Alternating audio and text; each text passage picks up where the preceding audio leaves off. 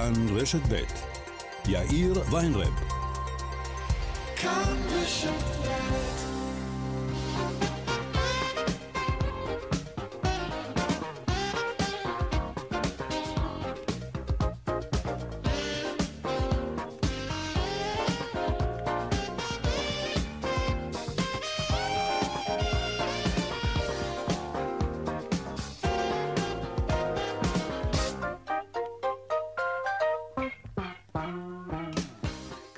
ארבעה ועוד שש דקות, כאן צבע הכסף ברשת ב', יום שלישי, שלום לכם, העורך רונן פולק, בהפקה אורנה ברוכמן, טכנאי השידור שלנו היום הוא רומן סורקין. הדועל של צבע הכסף, אתם יודעים, כסף, כרוכית, כאן.org.il, כסף אגב, ב-K, כן? לא ב-C. אני יאיר ויינרי, מעכשיו עד חמש, אנחנו מיד מתחילים.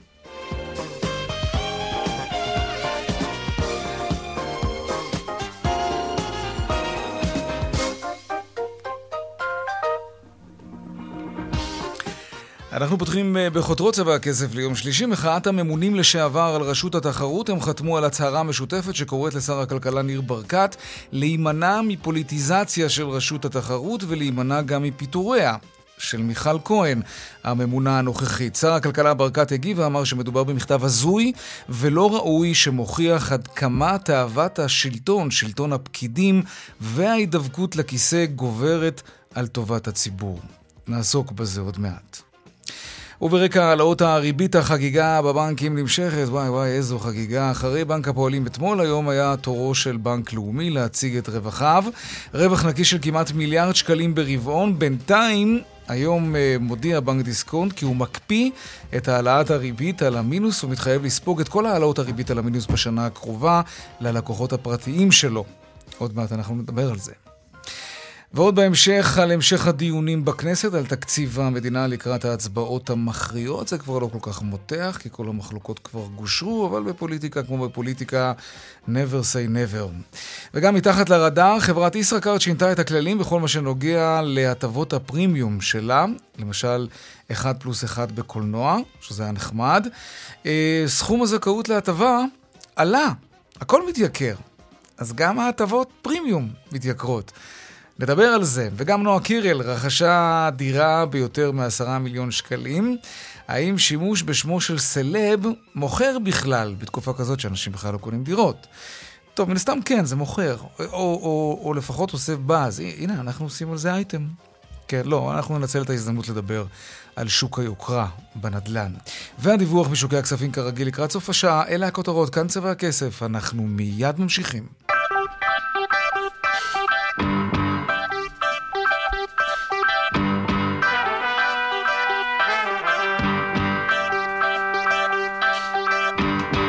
פותחים במשבר בין שר הכלכלה לממונה על רשות התחרות. השר ברקת דורש ממיכל כהן להתפטר. היא מצידה אומרת שהיא ממשיכה כרגיל, וכבר יש מכתב של הממונים לשעבר. דנה ירקצי, כתבתנו לענייני כלכלה, שלום. שלום, נכון. אתמול היא שולחת מייל לעובדים ואומרת אה, שהיא שמחה לקבל אה, רעיונות, עצות, לא בדיוק במילים האלה, אבל ללמוד.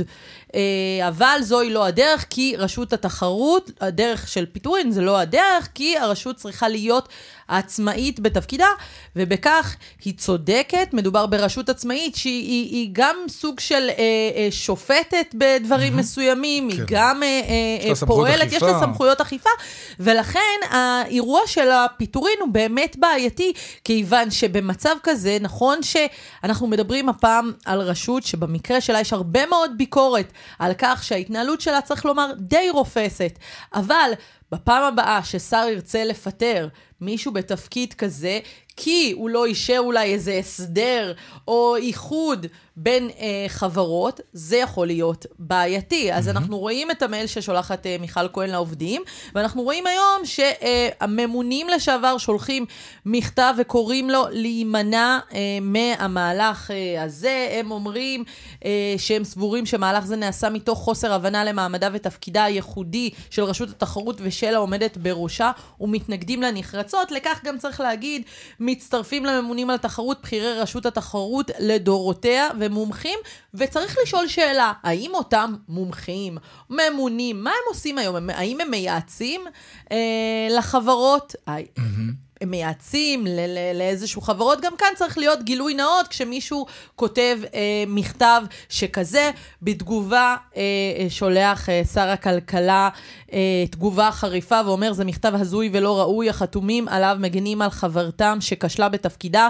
במקום לנהוג בענייניות הם נפלו לתוך המשחק הפוליטי. המכתב מוכיח עד כמה תאוות שלטון הפקידים וההידבקות לכיסא גוברת על טובת הציבור. צריך להגיד כמה דברים. ראינו את ההסדר האחרון של רשות התחרות, שפתחה בבדיקה לפני יותר משנה בעניין של חשד לתיאום מחירים בין החברות, ובסופו של דבר היא מגיעה להסדר הממונה של אה, סכום קנס מצטבר של 23 מיליון שקלים לכל אותן חברות שנמצאו כי עברו על חוקי, חוקי התחרות, ועדיין מדובר בקנסות שבסופו של דבר יגולגלו לציבור, כיוון שאנחנו רואים היום את גל עליות המחירים. לא נעשה כאן שום הליך שאולי אישי, פלילי נגד אותן חברות, שאולי באמת יהווה הרתעה. אז כן, מצד אחד יש פה מהלך של ניר ברקת שהוא קצת בעייתי, מצד שני, גם יש רשות שלא באמת... כן. פועלת לטובת הציבור. זה לא מופרך שלפעמים צריך ל- לרענן ולנער איזושהי מערכת, השאלה אם זה באמת המקרה. דנה ארקצי, תודה. תודה. אז הסיפור הזה כאמור מעורר מאמש סערה אה, גדולה. כל הממונים על התחרות לשעבר חתמו על מכתב תמיכה בכהן וגינוי לכוונה של ברקת לפטר אותה. שלום דיוויד גילו, אוניברסיטת תל אביב, לשעבר הממונה על רשות התחרות. שלום. שלום, מה נשמע? בסדר גמור, תשמע, זה, זה, זה לא, זו לא הפעם הראשונה שבה אה, ראש של מערכת, במקרה הזה שר הכלכלה, מבקש להדיח, להחליף בעל תפקיד בכיר, כי הוא לא מרוצה מהתפקוד שלו. מה, מה, מה שונה בסיפור הזה? למיטב הבנתי זו כן פעם ראשונה ברגולטור מה, מהסוג הזה. וקודם כל אני צריך להגיד שאני מאוד מעריך את uh, מיכל כהן, uh, הממונה הנוכחית, uh, מבחינה מקצועית ואת היושרה שלה. והיא אה, מאוד מאוד ראויה לתפקיד. אבל זה לא קשור לוויכוח הנוכחי באמת, כי המסר הוא שיש רגולטורים עצמאיים במדינה, כמו נגיד בנק ישראל, כמו יושב ראש רשות ניירות ערך, וגם הממונה על תחרות היא רגולטור כזה, ואם מכפיפים רגולטור כזה לפוליטיקאי, כי בעצם מה שקורה פה זה הכפפה לפוליטיקאי, כי אם הרגולטור כל הזמן יחשוש שהפוליטיקאי יכול להגיד שהוא לא מתפקד מספיק טוב ואז אה, להרחיק אותו, אז בעצם הרגולטור הופך לזרוע ארוכה של הפוליטיקאי. אתה צודק במאה אחוז, אבל יש גם צד שני למטבע. תראה, אם למשל, תראה, מדובר במינוי לשנים ארוכות, נדמה לי שש שנים. אם שר נכון. חושב שמישהו מהבכירים, מאחת הזרועות של, של, של המשרד ש, שעליו, שאותו הוא מנהל, לא מספיק טוב, שרשות כל כך חשובה צריכה להיות פעילה יותר, התקפית יותר, אין מקום לדעה אישית כזאת כלפי מנהל? כלומר, אתה כשר תקוע עם איש מקצוע שאתה חושב שהוא לא מספיק טוב. אני לא אומר שזה המקרה חלילה, כן? אבל תיאורטית, אתה רוצה לבצע שינויים, אתה חושב שיש פה מישהו שממלא תפקיד מאוד חשוב, אבל הוא לא מספיק טוב. אבל צריך להבין שקודם כל הרגולטור הזה נבחר על ידי ועדת איתור מקצועית, אחרי תהליך מאוד מאוד אה, קפדני. אז בהגדרה מדובר במישהו מקצועי. יכולים להיות uh, ויכוחים, וגם לי לא אחת יש ביקורת על uh, רשות התחרות ומה שהיא עושה בשנים האחרונות, אבל אני לא רוצה לחיות במדינה שבה רגולטור שאחראי על כל כך הרבה דברים רגישים מבחינה פוליטית, יהיה בעצם כפוף לפוליטיקאי וכל הזמן יחשוש מה הפוליטיקאי חושב. תחשוב על העמדה של הממונה על התחרות לגבי פתיחת שוק הכשרות לתחרות, לגבי חשמל כשר שמיוצר על ידי המונופול של חברת חשמל. הייתה לנו חקירה נגד אה, איזשהו עסקן אה, חרדי אה, בכיר שהיה חשוד בקרטל אסור. היה, הייתה חקירה פלילית נגד איגוד המוניות שיש לו הכרעה מאוד משמעותית בפריימריז של הליכוד. לגורמים עסקיים חשובים יש מנופי לחץ לפוליטיקאים, אין מה לעשות, וגם כן. לכל מיני קבוצות לחץ כמו חקלאים, ועדי עובדים של מונופולים כמו חברת חשמל, הנמלים, רשות שדות התעופה. אני חושב כן. שגם הפוליטיקאי אה, היה צריך להעדיף שיהיה רגולטור עצמאי כאן, כי אחרת... אבל מה עושים במקרה אה, ש... בעצם כשלוחצים על הפוליטיקאי באמצעות כן. כל המנופי לחץ האלה, בעקיפין לוחצים על הממונה. אבל אני עדיין שלא שואל. שלא יחקור את זה, זה ש... שיאשר את המיזוג הזה וכולי וכולי. הטיעון הוא ברור והוא נכון, אבל מה עושים במקרה ששר חושב שאחת הרשויות שכפופות למשרדו, או מסונפות למשרדו, אני לא יודע בדיוק איך להגדיר את זה, עומד בראשה מישהו שהוא לא ראוי. אז מה, יש לו גם כן מחויבות כלפי הציבור, כדי שמישהו בראש גוף כל כך חשוב יהיה מישהו שהוא איש מקצוע טוב, ואני חיילה לא אומר שמיכל כהן איננה, אנחנו מדברים ברמה התיאורטית. חושבים על הדברים האלה מראש כאשר ממנים, ואז בסוף הקדנציה ממנים שוב. וצריך לזכור שהשר קודם כל יכול אה, לבקר, הוא יכול, הוא יכול לבקר את הממונה, אה, ובהחלט הביקורת הזאת אה, היא, היא, היא הרבה פעמים אה, נכונה, ובכל מקרה הוא רשאי לעשות את זה. וגם צריך לזכור שלשר ולממשלה יש סמכויות חקיקה ורגולציה מרחיקי לכת אה, בלי שום קשר לרשות התחרות. כן, אז uh, לאחרונה מה שאני רואה זה שהממשלה עשתה דברים הפוכים, שדווקא משמידים תחמושת שהייתה יכולה לשמש למלחמה ביוקר המחיה. רק לאחרונה ועדת הכלכלה אישרה uh, ריכוכים של חוק המזון. זה חוק מאוד מרחיק לכת שנועד לטפל בתחרות uh, בשוק המזון. הם הפכו את כל האיסורים שחלים על היחסים בין ספקים גדולים כמו תנובה, שטראוס, יוניליבר וכולי לרשתות, לאיסורים שהם לא פליליים. Mm-hmm. אתם הזכרתם את זה עכשיו, אז בעצם המחוקק עכשיו אה, הוריד את ההרתעה והפך את זה ללא פלילי.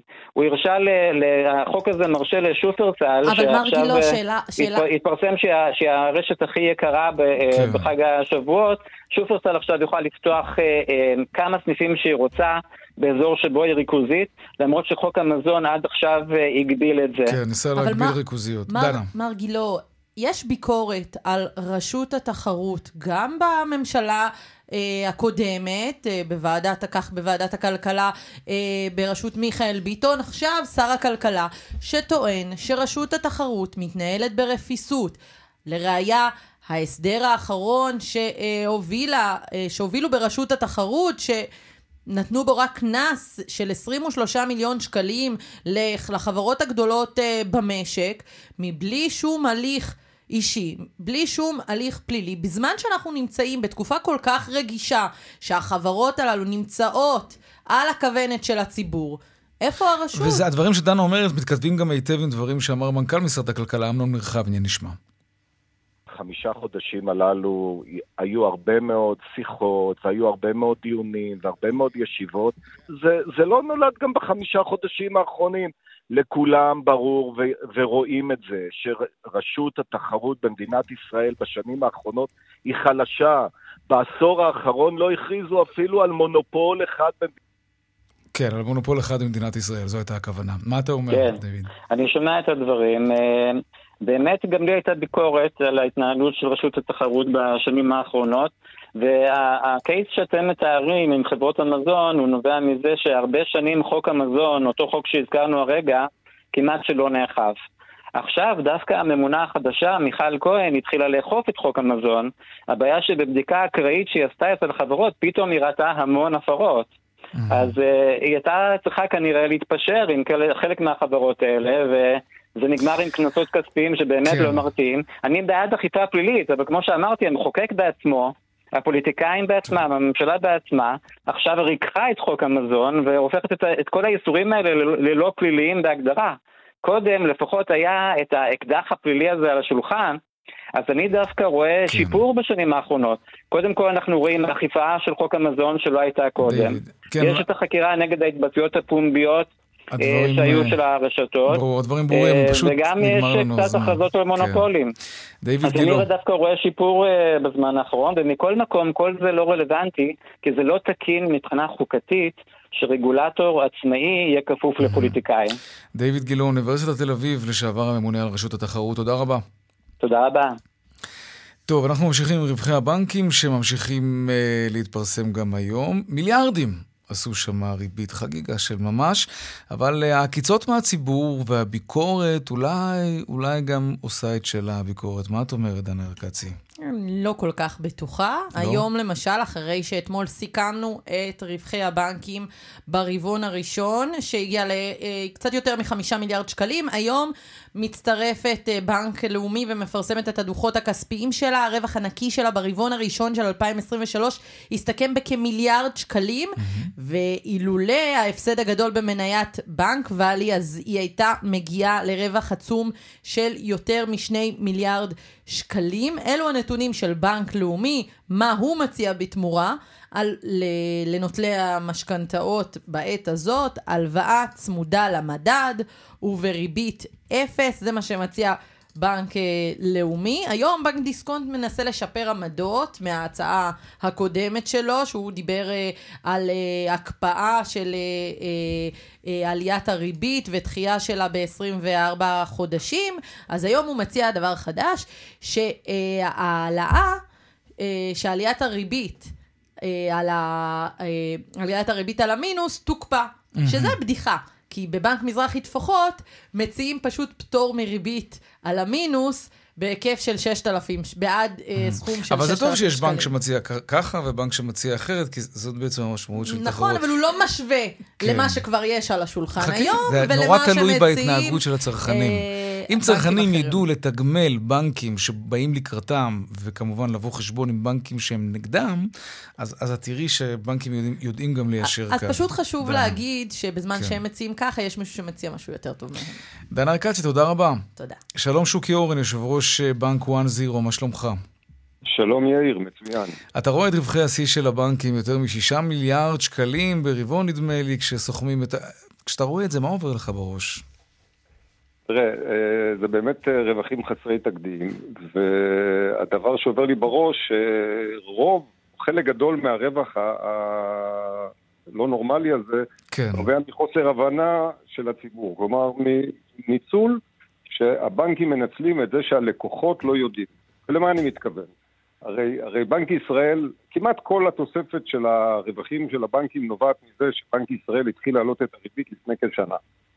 Uh, עכשיו, ברגע שבנק ישראל מעלה את הריבית, אם הבנקים היו מעלים את הריבית על הפקדונות, אז כן. לכאורה זה לא היה משנה כמעט את הרווחיות שלהם, כי המרווח הפיננסי הוא תמיד נכון. הפער בין ההלוואות לבין הפקדונות.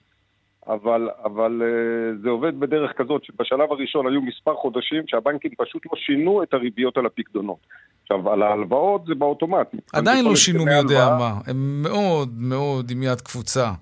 נכון, כן. נכון, אני אגיד לך תגיד... יותר מזה, כן. אני אגיד לך יותר מזה, גם ברגע ש, שכבר הייתה איזה סוג של סערה ציבורית שצריכים לשלם אה, אה, ריביות, וגם הנגיד דיבר על זה, וגם בכנסת דיברו על זה.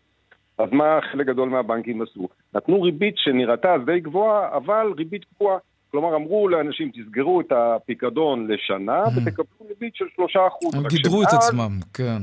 כן, רק שמאז, והיה ברור שהריבית תעלה, תעלה. שבנק ישראל גם אמר שהריבית תמשיך ותעלה. וכך הם למעשה קיבלו את מאוד... העלות שלהם, כן. ועל זה הם הוסיפו עכשיו את כל העלאות uh, הריבית. זה מאוד ממולח, צריך לומר, כשאתה מתאר את זה ככה, זה נשמע מאוד ממולח מצד הבנקים. תגיד, אבל זה מופרך לצפות מגופים עסקיים כמו בנקים אה, לראות את הנולד, בין היתר את הקשיים העצומים של הציבור לעמוד עכשיו בהחזרי המשכנתה ולהגיד לעצמם, אוקיי, אנחנו יכולים להרוויח קצת פחות ולתת לציבור, לציבור הלווים, קצת יותר. אולי, זו מחשבה תמימה היחיד, קצת, לא?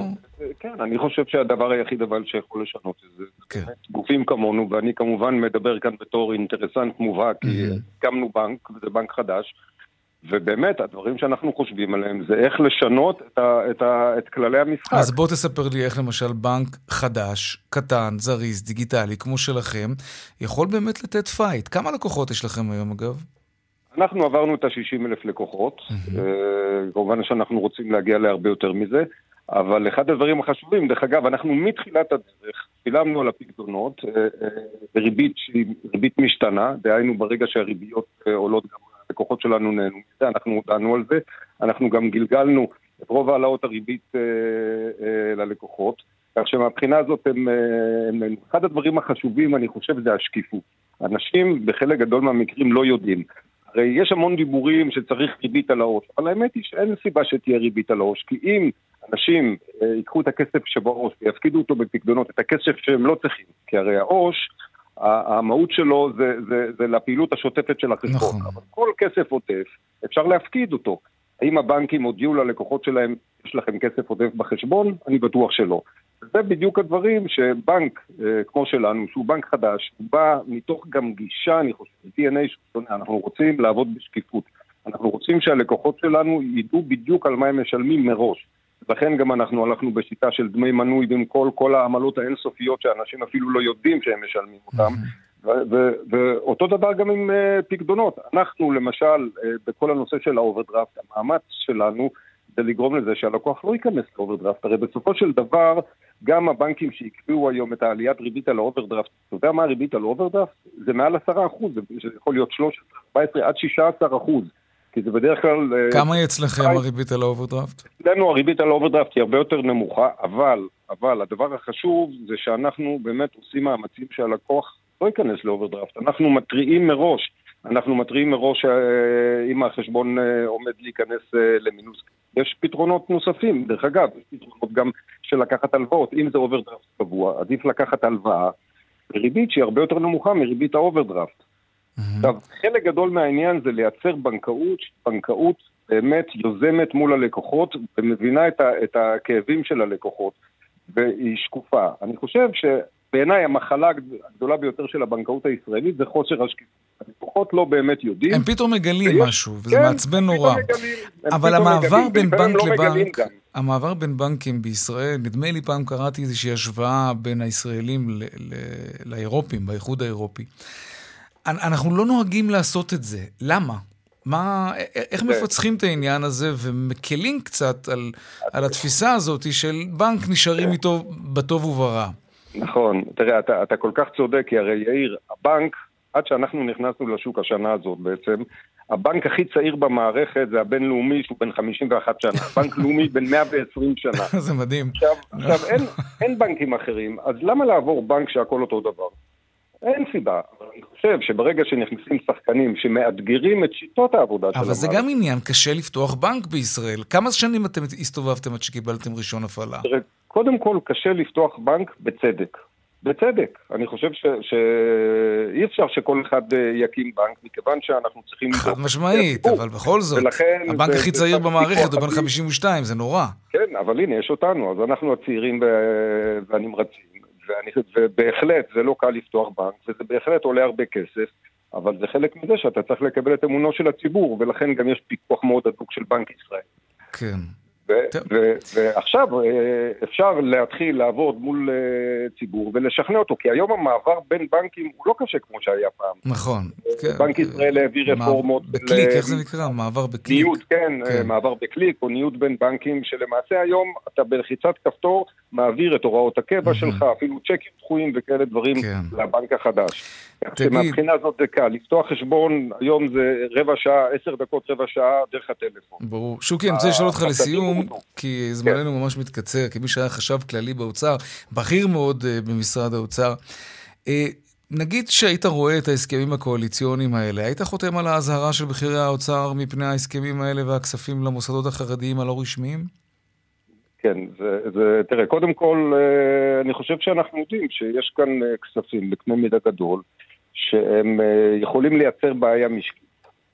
אה, מעודדים, אה, בלי ספק הם אה, מעודדים מגזר שלם שלא לעבוד, הם מנציחים, אני חושב, רמת השכלה נמוכה ורמת מעורבות משקית נמוכה מאוד. ברור שיש בזה איום ארוך טווח, אני חושב שכולם יודעים את זה. כולל, כן. כולל מי שעושה את זה. כן. שוקי אורן, לשעבר החשב הכללי באוצר ויושב ראש בנק 1-0, תודה רבה לך על השיחה הזאת. תודה יאיר. להתראות. טוב, דרך שש צפונה עמוסה ממחלף נשרים עד בן שמן ומנחשונים עד ניצני עוז ודרומה מנחשונים עד בן שמן. דרך החוף צפונה עמוסה ממחלף רבין עד מחלף נתניה.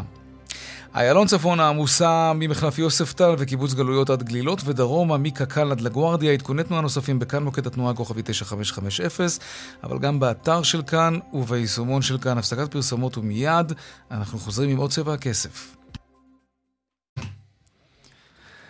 וכאן צבע הכסף, ארבעה ועוד שלושים ושלוש דקות. נמשכים הדיונים בכנסת על תקציב המדינה לקראת ההצבעות המכריעות. יערה שפירא, כתבתנו בכנסת, כתבתנו הפוליטית, שלום.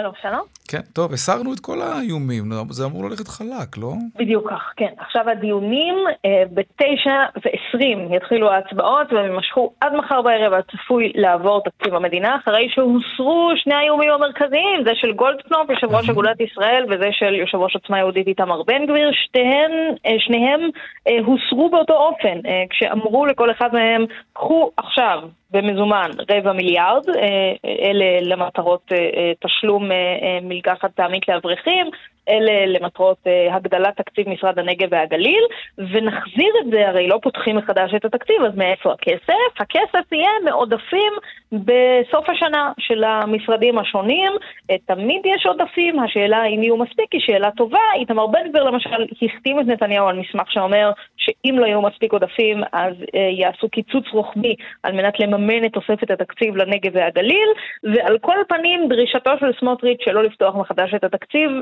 נשמרה במסגרת הסיכום שנתניהו השיג mm-hmm. עם uh, שתי המפלגות האלה, ועל כן אין עוד מכשולים בדרך לתקציב. יכול להיות שאבי מעוז יתנגד, ומאיים לזה כי הרשות לזהות יהודית לא קיבלה את התקציב, אבל זה לא כל כך משנה. גם בלעדיו יש 63 אצבעות, ובעצם לא צריך אותו כאן, uh, ולכן בעצם כן. נסללה הדרך לאישור התקציב.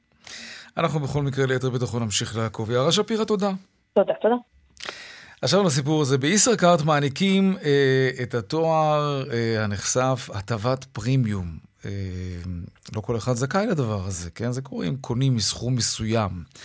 עכשיו החברה שינתה את הכללים. שלום, דפנה אריאל כפיר, אתר פואנטה. היי, מה העניינים? בסדר, בסדר. מה קרה? מה שינתה? אתה יודע, הטבות פרימיום זה הטבות שהמון אנשים מנצלים אותן בישראל, כן. אנחנו מדברים על... רונן פולק בעיקר, הוא חולה על זה. אז, אבל אני מבינה את זה גם, כי תשמע, זה אחד מסתובב לו עם הקופונים האלה. תשמע, אבל האמת היא שנהיינו מדינה כזאת שכל הזמן אנחנו עסוקים בלחפש את הקופונים ואת ההטבות, כי המחירים המלאים מאוד מאוד גבוהים. אז אה, כשיש לך נכון. הטבת פרימיום בישראכרט שנותנת לך נגיד אחד פלוס אחד למיני ישראל, או לתיאטרון, או לסרט, אה, זו הטבה שאנחנו אוהבים אה, לממש אותה. ולכן זה כל כך בעצמן מה שקורה עכשיו בישראכרט. לפני כבר כמה חודשים היא הוסיפה בשורה קטנה בדף החשבון שנשלח ללקוחות, שורה ככה שמעדכנת שבחודש מאי הצבירה להטבות פרימיום תצמח. אה, ומה הכוונה? אם עד עכשיו היית צריך לגהץ 1,500 שקל עבור כל הטבה, אתה לא מאמין כמה תצטרך להוציא עכשיו בשביל לקבל בדיוק את אותה זכאות להטבה. טוב, תראי, שניים. הכל מתייקר. מה פי שניים? הכל מתייקר היום, בחמישה אחוזים, עשרה אחוזים, ברצינות? לא, כי זה חלק מיוקר המחיה, זה, זה גם כן, זה חברה שמה, שמעלה מחירים. העלאת מחירי הפרימיום. פי שניים, כלומר, צריך עכשיו, לג... לג... היום ארי גולן האמת העיר לי על זה בבוקר, לא אומרים לגהץ יותר, אנחנו לא מגהצים, אנחנו נכון, כן, מצמידים את הכרטיס או משהו, כן. נכון, אז, נכון. אז רגע, אז, אז כדי להיות זכאים לזה, אני צריך להוציא 3,000 שקל בכרטיס האשראי?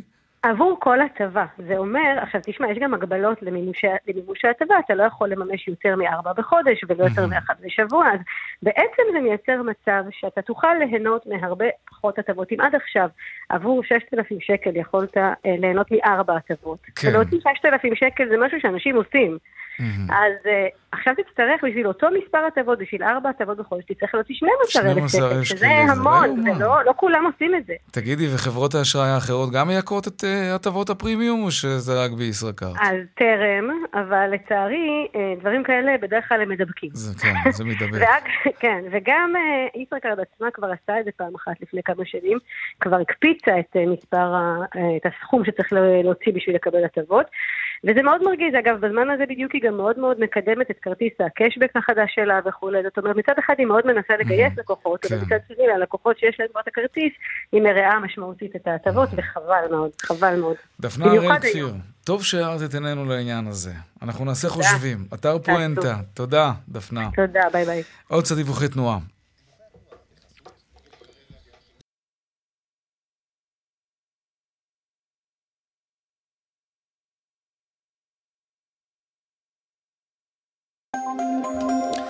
דרך 66 דרומה עמוסה, מאוד עמוסה, לא סתם מיוקנעם עד צומת מגידו, בדרך 65 מזרחה יש עומס ממחלף עירון עד ערערה, ובהמשך מאחוזת ברק עד צומת נאורה. דרך ארבע צפון העמוסה ממחלף דרור עד צומת הדסים. עדכוני תנועה נוספים בכאן מוקד התנועה, כוכבי 9550, זה הטלמסר שלנו, אבל לא רק שם, גם באתר של כאן וגם ביישומון של כאן. הפסקת פרסומות קצרה ומיד אחרי זה אנחנו נחזור עם דירת היוקרה של נועה קירל, שהיא במקור מרעננה, קנתה בתל אביב, שזה לא בסדר. מי עוזב את רעננה? מיד חוזרים. וכאן צבע הכסף, 4 ועוד 42 דקות. נועה קירל קנתה בית. כן, דירת יוקרה, דירת, דירת יוקרה, כן, בתל אביב. אה, מיני פנטהאוז כאן, אורנה ברוכמן מתקנת אותי, וזה למרות הריבית על המשכנתה. טוב, מה אנחנו יודעים? אולי לא לקחה משכנתה בכלל. טוב, די, די לחטט, די, די עם זה. שלום רוני יהב, משווק מומחה בתחום בתי היוקרה, מה נשמע? רוני? רוני? מה? אין לנו רוני? טוב, אה, עוד מעט אנחנו ננסה לחדש, לא לחדש, כי לא היה קשר קודם, אבל עוד מעט ננסה לעלות על הקו את רוני. רוני יהב, משווק מומחה בתחום אה, בתי היוקרה, כי האמת שזה שנועה קירל קנתה דירת יוקרה בתל אביב, זאת הזדמנות מצוינת לדבר על הענף, על, על הפלח פלח השוק הזה, דירות היוקרה. האם גם שם יש הקפאת מחירים? האם גם שם עשירי הארץ הפסיקו לקנות דירות? אולי דווקא שם יש ירידת מחירים. Hmm? רוני יהב, משווק מומחה. כן, בת... יאיר. אהלן. בסדר גמור, טוב, אני לא יודע אם הספקת לשמוע את השאלות שככה זרקתי לאוויר. אה, נועה קירל קונה דירת יוקרה בתל אביב. הזדמנות מצוינת לדבר על דירות יוקרה. מה מצב השוק הזה, תגיד? תראה, יאיר, מצב השוק הוא בוודאי שהוא לא דומה למה שהיה לפני שנה ולפני שנתיים, אבל כשמדברים על שוק יוקרה, צריך לקחת בחשבון שני דברים. השוק הזה בתקופות כאלה מתחלק למשל לשני סוגי לקוחות. יש את סוג הלקוחות שיש להם ותמיד היה להם את הכסף, ולהם פחות מעניין, ואם הם רוצים לקנות כרגע נכס, פחות מעניין ופחות רלוונטי להם הדברים שהשוק העממי יותר מתעסק mm-hmm. איתם, כמו למשל הריביות. אז מה זה אומר בשורה התחתונה? שדירות יוקרנים ממשיכות להימכר כרגיל? זה אומר שהן נמכרות, ו... ממש לא בקצב שזה היה, עדיין יש אבל לא עדיין נמכרות. נכון, יושבים וברמות המחירים? תראה, רמות המחירים הן רמות המחירים שהיו בעבר בתל אביב, שהתחיל ב-50 ו-60 אלף, היום כבר רוב רמות המחירים באזורי היוקרה נוגעים ב-70 אלף, ויש גם פרויקטים שמגיעים ל-90 ול-100 אלף שקל מטר, תלוי במיקום, ובוודאי כשזה מגיע למיקום יוקרה כמו שנועה קנתה, בוודאי כשזה עם נוף לים או בקו ראשון לים, המחירים יכולים לגרד גם את המאה וגם יותר ממאה אלף שקל. וזה בבחינת עליית מחיר? כלומר, כשאתה מסתכל נגיד על העסקאות האחרונות שהיית מעורב בהן, אתה כן. רואה שהמחירים יציבים, אה, עלו אפילו קצת, או אולי לא באותו קצב כמו שהם עלו בשנים האחרונות, אבל אולי אפילו יורדים? סתם, לא. תן לנו איזה... קודם כל אין ירידה, ומי שמצפה לירידה, mm-hmm. אני, אני לא הייתי מייעץ לו לשבת על הגדר ולחכות לירידות. המקסימום שיקרה בשוק הזה, זה שקצב העלייה האקספוננציאלית או העלייה החדה של המחירים פר מטר תתמתן mm-hmm. ותישאר כעלייה באחוזים נמוכים יותר. אם הייתה שנה שעברה שהאחוזים פר מטר, אה, עליית המחירים עמדה בשוק הנדל"ן על כמעט 18 או 19 אחוז, שזה משהו מטורף. גם לשוק עצמו זה לא היה בריא. Mm-hmm. אז גם אם השנה okay. אוקיי. זה יהיה חצי, אם הממשלה תעשה קסמים וזה יהיה חצי, עדיין תחשוב שזאת עלייה של 8-9 אחוז, ועדיין זה יהיה הישג עצום לממשלה. Mm-hmm. ירידת okay. אוקיי. מחירים בוודאי שלא תהיה. טוב. נחיה ונראה, אין מנוס מהקלישאה הזאת. תגיד, שימוש בשם של סלב אה, עושה משהו לקידום המכירות? כי אני, הדבר הראשון שחשבתי עליו, זה שמשתמשים בנועה קירל אה, כדי לעורר את השוק קצת, שנמצא בקיפאון. נכון, נכון. קודם כל אתה צודק, אבל תבין את הקאץ' שבתוך הסיפור הזה. מצד אחד, החברה שעשתה את זה והחברה שמכרה, ההתמחות שלה והמומחיות שלה, זה בדיוק השימוש ביח"צ נכון והשימוש בפרסום נכון ובשמות נכונים.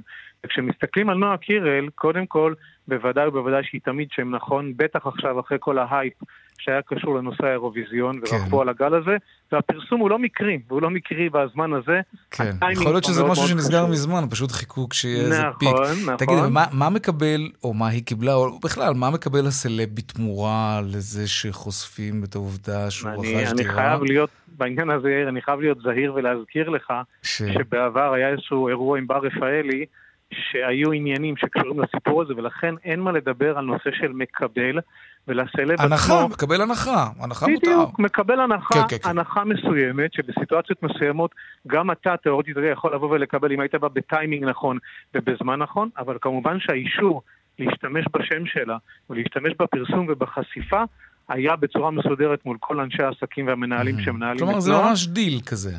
לגמרי. לגמרי. נכון.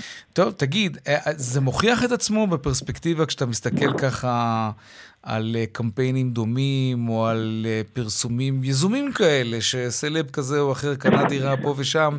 זה, זה, זה עושה משהו? זה, זה תראה, מוריד אנשים מהגדר? זה, זה מעורר את השוק? לפרויקט, כן. וזה צריך להתאים ל-DNA של הפרויקט. אני שיווקתי פרויקטים ששם זה פחות היה רלוונטי ולהפך, חייב להגיד לך שיש מקומות שאם אני באו אליי סלבים והציעו את עצמם או שרצו לקנות בית ואנחנו פחות רצינו, מכיוון שידענו שאם זה יעשה רעש, אז יש פרויקטים שהם יותר דיסקרטיים ויותר סולידיים, ואנשים עם כסף פחות רוצים שיגורו שם אנשים בסגנון הזה, ויש פרויקטים אחרים. Okay. אוקיי. במקרה הזה, זה מעניין, כי נועה קירל למעשה, אם תגיד לי מה השוק שלה ומי הקהל שלה, אז אתה יכול לשאול מה הקשר, קהל של חבר'ה צעירים או קהל של ילדים, הרי לא קונים דירות.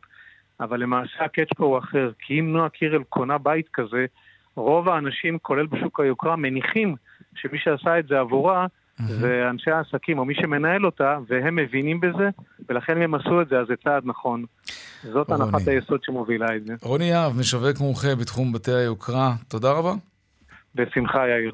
המשך יום טוב, ביי ביי. גם לך, תודה. עכשיו שימו לב לסיפור הזה. אה, יש לו התחלה, יש לו אמצע ויש לו אפילו סוף. שלום רוני קולמן, כאן חדשות. שלום יאיר. נדבר על מונופול? כן, נדבר על מונופול. אז המשחק שעליו אנחנו מדברים היום נקרא מונופול בוטיק, mm-hmm. שהוא משווק כבר מ-2018, ובמקום להכביר במילים, אני פשוט אקריא לך את מה שכתוב על הקופסה. כן. משחק העסקים המוביל בגרסה ורדרדה וסגלגלה בתוספת אלמנטים שבנות אוהבות. יוצאים למסע קניות בחנויות בוטיק וקניונים, פועלים לפי הודעות טקסט וקונים ומתעשרים. אוקיי, מסע קניות לבנות. רגע, כשה... אני מבין, אני מבין למה, למה, למה את חותרת. זה, זה עושה קצת תחושה לא נעימה, אבל, אבל אולי אנחנו קצת צדקנים מדי. מה?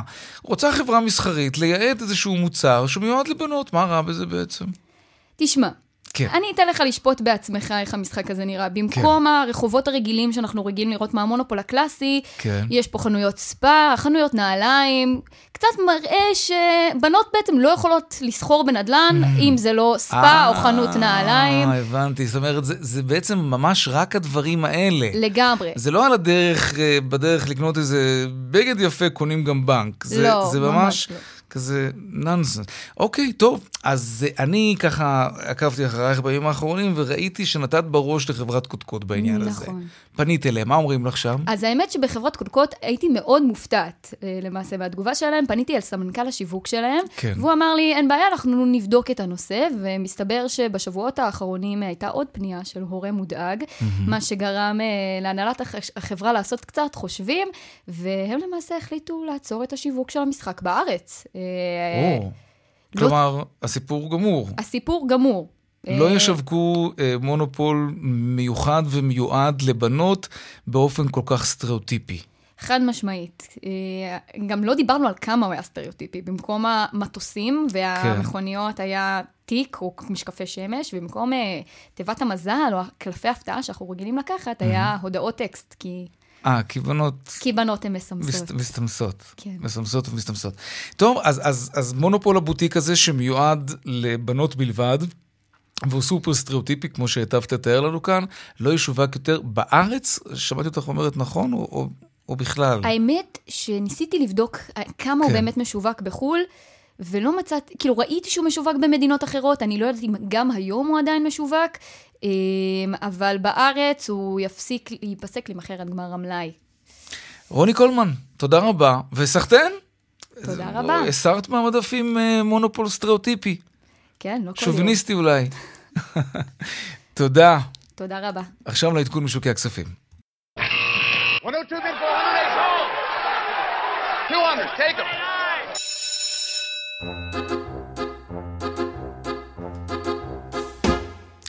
שלום אייל ראובן, מנכ"ל טאוור מבית מגדל שוקי הון. מה שלומך? מה שלום השווקים? מה העניינים?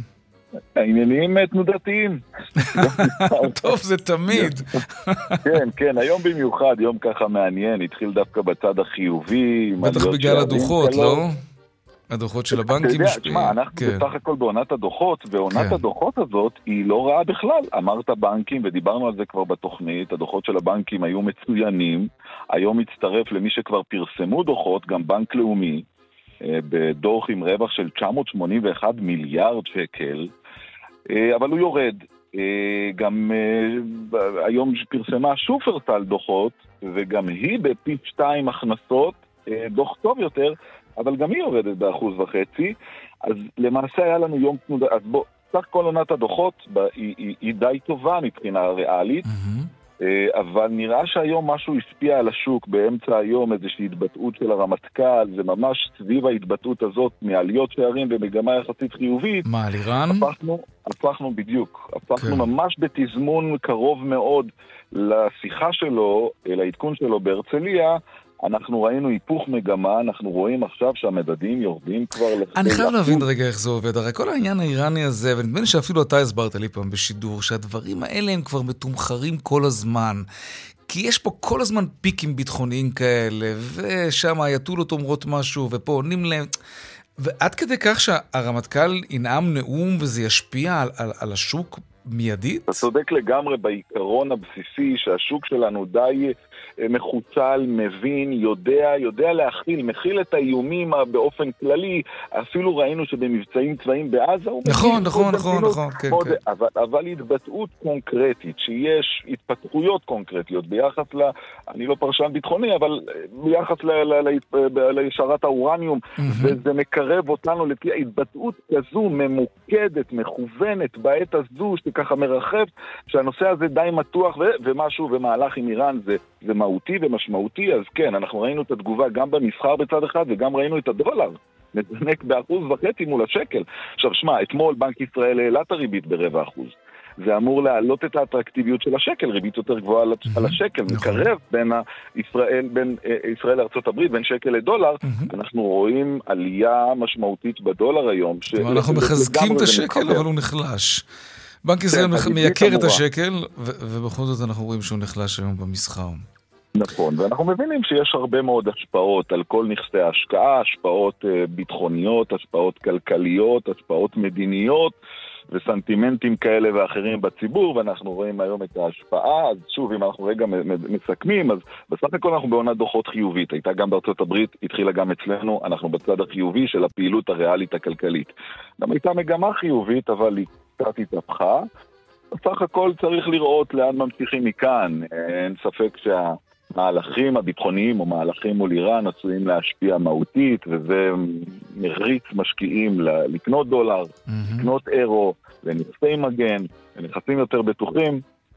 מעניין, נקבל לטוב ולבשורות טובות, אבל בסך הכל מבחינה כלכלית המצב בסדר, המצב לא רע, דוחות טובים, גם ארצות הברית יחסית... רק האינפלציה והריבית. אה, נטפל בזה בהזדמנות. כמו שבעולם כבר, אנחנו בלג אחד אחרי העולם, אז כמו שבארצות כן. הברית היא כבר מתחילה להתמתן, גם פה הריבית תחלחל פנימה, תוריד ביקושים והיא תתחיל להתמתן.